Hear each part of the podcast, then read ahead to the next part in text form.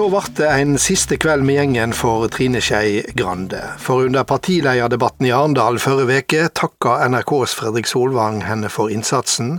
Hun ble utropt som vinner av debatten av flere av avisene. De andre partilederne var rause med rosen, og sjøl ble venstrelederen rørt av det hele. Det må ha vært ei fin oppleving. Trine Skei Grande, velkommen i studio. Takk for det. Nei, det var veldig rørende fordi det var så uventa. Mm. Eh, Fredrik Solvang ringte meg før debatten, og så vi snakka gjennom temaet og hva jeg trodde temaet skulle handle om, og hva jeg hadde lyst til å bidra med. Og så sa han ja, du forventer vel å få mer taletid når det er siste debatten? Og så sa jeg nei, det forventer jeg ikke. Men i fjor i den debatten så ble jeg avbrutt eh, nesten 20 ganger av guttene på andre sida når jeg skulle prøve å snakke om kvinnelig gründerskap. Så det jeg egentlig forventer i den debatten, det er at du merker det når de begynner å avbryte meg, de guttene på sosialistisk side. Eh, og det var liksom det vi hadde fleipa med. Så dette kom helt fra ja, det hadde jeg aldri trodd. Men da du opplevde dette, tenkte du da at uh, du skulle ha gått av oftere? Ja, det var det jeg tenkte. at det var veldig morsomt å slutte, og det var det var ja, det var fint, og vi, det viser litt hvordan det politiske miljøet er i Norge. At det er veldig mye rausere enn hva vi av og til virker som. Ti år har du vært venstreleder. Det er lang tid. Jeg holdt på å si det er lang tid i vår tid. Ja, men eh, jeg husker jo når jeg gikk på at eh, jeg tenkte at det er liksom ja, det er veldig sjelden noen slipper unna uh, før den, den tidsramma som ti-tolv år er. Uh, og når vi gikk ut, uh, når vi sto bak forhenget før vi skulle gå ut på den partilederdebatten, så er liksom Kjell Ingolf en ny. Men så sa jeg hvor lenge har dere gjort dette, sier Erna, og de har gjort det 16 år og 13 år, så ja. Det er mange som har holdt på enda lenger enn meg. Ja, for det er noe med norske partiledere, de er ganske slitesterke. Ja, vi har vel vært gjennom noe siling før vi kom dit, da. men, eh, men, det er jo Du skal finne hele tida en balansegang og bringe bring en forsamling sammen. Og det å ha autoritet til å gjøre det, det er jo ikke noe du får i en håndvending. Eh, det har man jo bygd opp over lang tid. Så det var det var ingen som skrev at jeg var kommende partileder når jeg ble valgt inn som verken som andre eller som første nestleder i Venstre, så så jeg føler jeg har forberedt meg litt i skyggen. Men da når Lars Bonheim eh, trakk seg etter at eh, Venstre havna under sperregrensa ved valget i 2009, da var det du som var den eneste egentlige kandidaten? Ja, og det, og det kom veldig over natta, for det var ingen som snakka om det før i. Eh, men jeg følte veldig på et ansvar den natta på at det ikke var så mange andre som kunne gjøre det. Jeg og Borghild var alene på Stortinget. Det var bare vi to som hadde tilgang på Stortingets talerstol. Og det var jeg som hadde lengst fartstid og mest ledererfaring fra jobber jeg hadde før, og, og, politiske jobber jeg hadde hatt før. Så ja, jeg følte nok ikke jeg hadde så mye valg den natta. Hva vil du helst vært eh, hoksa for? Jeg håper jeg husker for sakene for det er jo det som er drivkraften til oss som politikere. Men tror du at politikere stort sett blir huska for sakene, som du sier? Nei, men jeg kan jo ønske meg det. Ja. det som gir liksom drivkraften til meg, det er å sitte på, på brygga i Svolvær og se utover havet og tenke at her hadde det vært oljeplattformer hvis det ikke hadde vært for den jobben jeg har vært med på og gjort, eller i bydelen min i gamle Oslo, der halvparten av ungene vokser opp i fattigdom, men der jeg kan se at de faktisk går i barnehage og får en mye bedre start, fordi at vi har innført gratis barnehage til alle med dårlig råd. Og det, det, er sånne ting som gir meg drivkraft til å holde på, da. Å gå i regjering med Fremskrittspartiet, det var vel neppe noe du hadde sett for deg da du ble venstreleder i 2010. Var det å krysse ei rød strek i eh, venstrehistoria? Nei, men det er den vanskeligste avgjørelsen jeg har gjort noen gang. Eh, å gi det rådet til landsstyret. Eh, og jeg tror ikke at vi har vært klart, klart det i Nydalen. Og vi tok lang tid før vi, vi var klar for å gjøre den jobben. Både utviklinga i Frp, som jo var ja, og, et visst stykke. Og, og, og når du sier Nydalen, så mener du det ville ikke vært klart til å gjort det i 2013, da Erna Solberg danner regjering sammen med Fremskrittspartiet? Ja, da tror jeg ikke. Det tror jeg ikke vi hadde hatt rygg til å bære. Men samarbeid utvikler seg jo, og avvikler seg over perioder. Eh, og det samarbeidet som da begynte på i Nydalen, eh, la jo grunnlaget for at vi skulle gå inn. Det var ikke min yndlingsregjering, men det er ikke alltid man får det man ønsker seg. Det varte jo ikke lenge heller, da. Nei, og jeg skal innrømme at på, i lukka rom så er jeg at jeg tror at hvis vi skal få vår regjering, så må vi gå ut. Og nei, må vi gå inn i den regjeringa for at noen andre skal gå ut. Så det var strategien? Du gikk inn for å, for å presse Frp ut? Eh, nei, men jeg trodde ikke at vi klarte å, å få til det Altså, vi trodde ikke vi klarte å få Erna til å velge imellom oss. Og da måtte saken få velge imellom oss. Og saken har vist at spriket var for stort. Ja, det var krevende, for uh, sjøl om vi hadde en etter Jeløya, hadde vi en veldig sånn stor entusiasme for prosjektet. Og det var et eller annet som forløste seg på Jeløya, som av og til når du setter Venstre og Frp i samme rom, så er det mange saker som er vanskelig, som innvandring og sånn. Men det med få bort dusteregler for vanlige folk, der møtes vi. Eh, det å liksom lage Det å ha politikk som tar utgangspunkt i enkeltmennesket og, og stå opp for enkeltmennesket når det blir kjørt over av store system, der møtes vi. Og på Jeløya fikk vi forløst noe av det, da. Så entusiasmen i Venstre over Jeløya var jo mye større enn den var ved Granavolden. Men du tror ikke at det blir en ny regjering med Venstre og Frp i Eh, jeg er veldig fornøyd med den regjeringa vi nå er. Ja. Endelig fikk jeg til det jeg ønska å få til. Eh, så, så, jeg kan eh, Jeg føler nå at nå kan jeg lene meg tilbake, og så kan vi sette den regjeringa vi er.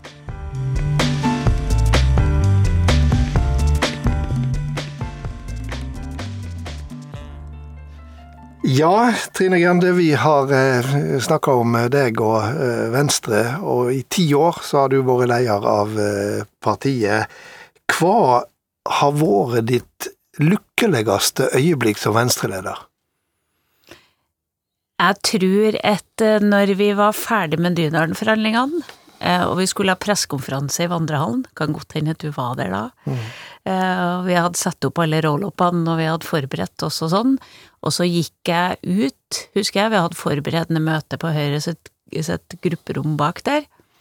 Og så gikk vi ut, og så, ved inngangen til stortingshallen, så henger det et flott Sinding-maleri av reinen i Lofoten. Og da husker jeg på at mens alle dere sto og venta, så måtte jeg bare stoppe litt foran det maleriet, og så måtte jeg tenke nå, Trine, nå har du sikra det for framtida. Og det var sånn det kommer jeg til å huske på hele livet. Og nå ble du nesten rørt. Det, det, var, det, det er en sånn sekulær andagsstund for en venstreleder. Ja, naturvern, miljøvern, og det som liksom varer over tid. Ikke sant? Dette er for generasjoner framover. Og det føler man er som perspektiv over det, som ja, blir litt rørt av det. Det er lov, det. Også i Studio 62. Det tøffeste det tøffeste var nok det å råde i landsstyret til å gå i regjering. Eh, fordi eh, da Jeg visste ikke hva landsstyret mente. Jeg hadde egentlig ikke peiling. Ofte så liker jeg at jeg skal ha en viss følelse med organisasjonen, hva de er. Men dette har vært en liksom Vi hadde en, vi hadde en veldig annerledes runde enn en KrF hadde. Eh, og jeg mener jo at vi gjorde det på en litt bedre måte. Fordi at vi hadde ikke de harde konfrontasjonene som de fikk. Vi hadde en veldig åpen runde og åpen debatt. Men, men da hadde jo jeg sittet i forhandlinger mellom meg og Siv Erna, og de sonderingene vi hadde, det var bare jeg som hadde innsyn i hva resultatet kunne bli. Og jeg måtte gi et råd på bakgrunn av noe som bare jeg visste. Jeg visste at eh, Venstres landsstyre er ikke så veldig tett, så jeg kunne ikke si at vi kommer til å få rusreform igjennom, vi kommer til å få eh, lagt ned pelsdyrnæringa i Norge, for det, det hadde venstrefolk blitt så glad for at det hadde de ikke klart å holde kjeft om. Mm. og så skulle jeg på bakgrunn av noe som bare jeg visste, gi et råd til noen, eh, og, og det, det er kanskje det tøffeste tidspunktet jeg har hatt som partileder, å måtte gi det rådet før jeg visste om eh, ja, om dette var godt nok for dem som satt i salen. Og jeg kunne ikke gi dem innsyn i det heller. Du snakker om eh, åpen og, og fri debatt i, i, i, Venstre, men det har jo også vært eh, sterke indre konflikter? Ja, og vi er litt for åpne av og til. Det betyr at vi har hatt en partikultur til tider der, der noen syns det er, er liksom legitimt i et maktspill å, å plassere drittkampanjer og alt mulig sånn, og det, det har jeg virkelig virkelig prøvd i mitt tid som partileder å prøve å sette stopper for, men det har ikke vært så lett. For du liker ikke anonyme kilder? Nei, jeg har hatt som prinsipp at jeg verken har vært anonym kilde, eller noen gang har kommentert anonyme kilder. Men de er jo med på å tegne det, sjøl når de tegner noe som er feil. Ja. Eh, og det er veldig vanskelig å beskytte seg mot det. Er vi i media nyttige idioter i sånne sammenhenger? Ja, det jeg stusser over det, når jeg vet at media både trykker drittkampanjer plassert av noen som forventer å bli sitert på noe annet offentlig, og det syns jeg er en sånn det synes jeg er en, en mediepolitisk interessant diskusjon. Kan jeg få eksempler på det? Nei, det får du ikke nå. men, jeg, men, jeg, vet jo at man Altså, jeg har jo såpass gode kilder at jeg vet liksom at noen sier at uh, sånn er hun, sånn gjør hun, men jeg vil gjerne bli sitert på det motsatte. Uh, og begge tingene står i avisa. Uh, og da Jeg syns det er en sånn Ja, bruken av av hemmelige kilder Jeg skjønner det er gøy for journalister, det skjønner jeg. Men eh, det er noen sånne moralske regler som også kan sette journalistikken i diskreditt da, hos oss. I vinter så var det mye diskusjon om du skulle holde fram som partileder. Du ble utfordra, det var eh, dragkamp innad i partiet. Men torsdag 5. mars så sto valgkomiteen enstemmig fram og innstilte deg som partileder eh, for en ny periode. Ei uke seinere så var det du som sto fram og kunngjorde at du trakk deg. Hva skjedde? Eh, jeg hadde Innstillinga kom på torsdag. Jeg har sagt til valgkomiteen i og for seg hele tida at så hvis dere blir enige om noen som kan overta etter meg, at det ikke blir en delt innstilling, så er jeg klar til å gi meg. Men de sa hele tida at det klarte de ikke å komme frem til, så eh, Og da mener jeg det var riktig å prøve å samle. Eh, og da hadde vi noen pressetreff eh, med meg og Abid og Sveinung, og hvis jeg skal være sånn helt ærlig, eh, når jeg kom hjem fra det, så tenkte jeg dette tror jeg ikke jeg kommer til å klare. For jeg tror ikke jeg klarer å få de to til å fungere sammen med meg i et team. Samme hvor mye energi jeg ligger i det, så, så hadde jeg en sterk følelse at det kommer jeg ikke til å klare. Etter de, de presseopptredenene som vi hadde sammen, så da når jeg la meg den fredagen, så tenkte jeg dette gidder jeg ikke. da får noen annen prøve. Eh, og så tenkte jeg nå er du sliten, Trine, nå og du, du må sove på RR. Så sov jeg faktisk tolv timer. Jeg våkna godt utpå formiddagen på lørdag, men det kjentes helt likt ut. Eh, så da skrev jeg egentlig, den lørdagen skrev jeg egentlig talen til landsstyret neste helg om at jeg trakk meg. Den talen var ferdig skrevet. Og så kom koronaen i full trøkk, som gjorde at vi innså allerede på tirsdag at vi ikke kunne ha det landsstyremøtet. Eh, og da måtte jeg gjøre det på en annen måte, eh, og valgte å gjøre det i media. Hvordan var det å sitte hjemme og la den erkjenninga sige innover deg at eh, dette klarer du ikke. Her er det for sprikende staur, for å sitere en annen politiker. Nei, det var egentlig en lettelse. For jeg liksom Jeg tenker at det er en partileders ansvar å prøve å samle. Hold samla, bygg sammen. Så tenkte jeg hvis jeg nå bruker et år på å få dette teamet til å jobbe mer sammen, eh, og, og, liksom klare å bygge et felles prosjekt ut av det, mener jeg Jeg mente at det var, var, min plikt som partileder, å prøve å jobbe det sammen. Eh, og når jeg tenkte at jeg ikke orka det, og innrømte for meg sjøl at det klarer jeg ikke, så var det egentlig åh, så lettelse. du har levd et hektisk og spanende og, og innholdsrikt politikerliv. Er du redd for at det skal komme en slags tomhet eh, når du nå går ut av Stortinget om et år? Hvis jeg skal være helt ærlig, så var jeg litt redd for det de første ukene, fordi at det var så fort avskrudd. Fordi at bedriftslegen på Stortinget sa at nå er du stortingsrepresentant, og du bør holde deg hjemme med din helsesituasjon. Og så var det bare deilig. så jeg er ganske sikker på at jeg kommer ikke til å savne meg sjøl i politikken. Eh, og jeg skal klare å holde meg unna. Jeg prøver å ikke være overministre for noen av de andre. De skal få lov til å styre seg sjøl. Jeg svarer når de spør om råd. Eh, så nei, dette tror jeg skal gå helt fint.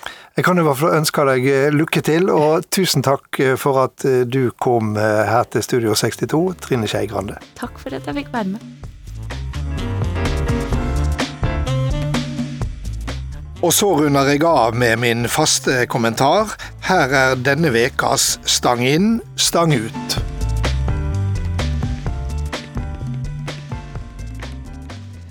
Den vanskelige andre runden er et slags begrep innenfor både idrett og forfatterskap. Det er den som gjerne kommer mellom den krafttappende første runden og før det hele har funnet sitt naturlige leie, for å formulere det slik. For det kan se ut til at vi nå er inne i en slik vanskelig andre runde. Jeg tenker selvsagt på den pandemien som på så mange vis setter sitt stempel på dagliglivet våre. Ingen av oss hadde opplevd noe som likna på det som skjedde i mars. Et helt land, ja, mest ei heil vær, vart stengt ned. En usynlig fiende skapte frykt, usikkerhet, fortviling. I mange land har resultatet vært katastrofalt, også i form av tapte liv. Her hos oss gikk det bedre enn frykta, i alle fall så langt også fordi frykten for det ukjente fikk oss til å handle. Vi tok ikke bare lett på straumen av pålegg som velta inn over oss, vi skjøna alvoret. Men det er her den vanskelige andre runden kommer inn, for på et vis lærte vi oss ganske raskt å leve med alt det som ikke var som før. Vi mennesker er skapt for å tilpasse oss, det er jo derfor vi fremdeles er her på kloden. Det er fascinerende å legge merke til hvordan det unormale, ja det nesten absurde, veldig raskt ble den nye normaliteten vår. Men i det ligger det også en fare for at vi ikke så lett greier et nytt taktomslag som det nå eh, ser ut til å være naudsynt at vi eh, tar. For det var nok mange av oss som pusta lettere og senka skuldrene da sumene kom og smittetallene var låge. Nettopp derfor blir vi så oppgitte når nye utbrudd og strammere restriksjoner igjen er kommet inn som ei daglig påminning om at dette slett ikke er over ennå. Og så er det likevel slik at det er nå vi på ny blir oppfordra til å mobilisere en disiplin vi hadde håpa ikke ble nødvendig. Denne gang skal vi gjøre det uten at frykta og usikkerheten er like stor som for fem måneder siden. Slike taktoppslag er vanskelig for oss som individ. Det er enda vanskeligere å få til når det er oppførselen til den enkelte av oss som samla utgjør den beskyttelsen vi som fellesskap er så avhengig av. Men likevel er det så naudsynt at vi lykkes, mobilisere det som trengs for å komme oss gjennom denne vanskelige andre runden. God helg.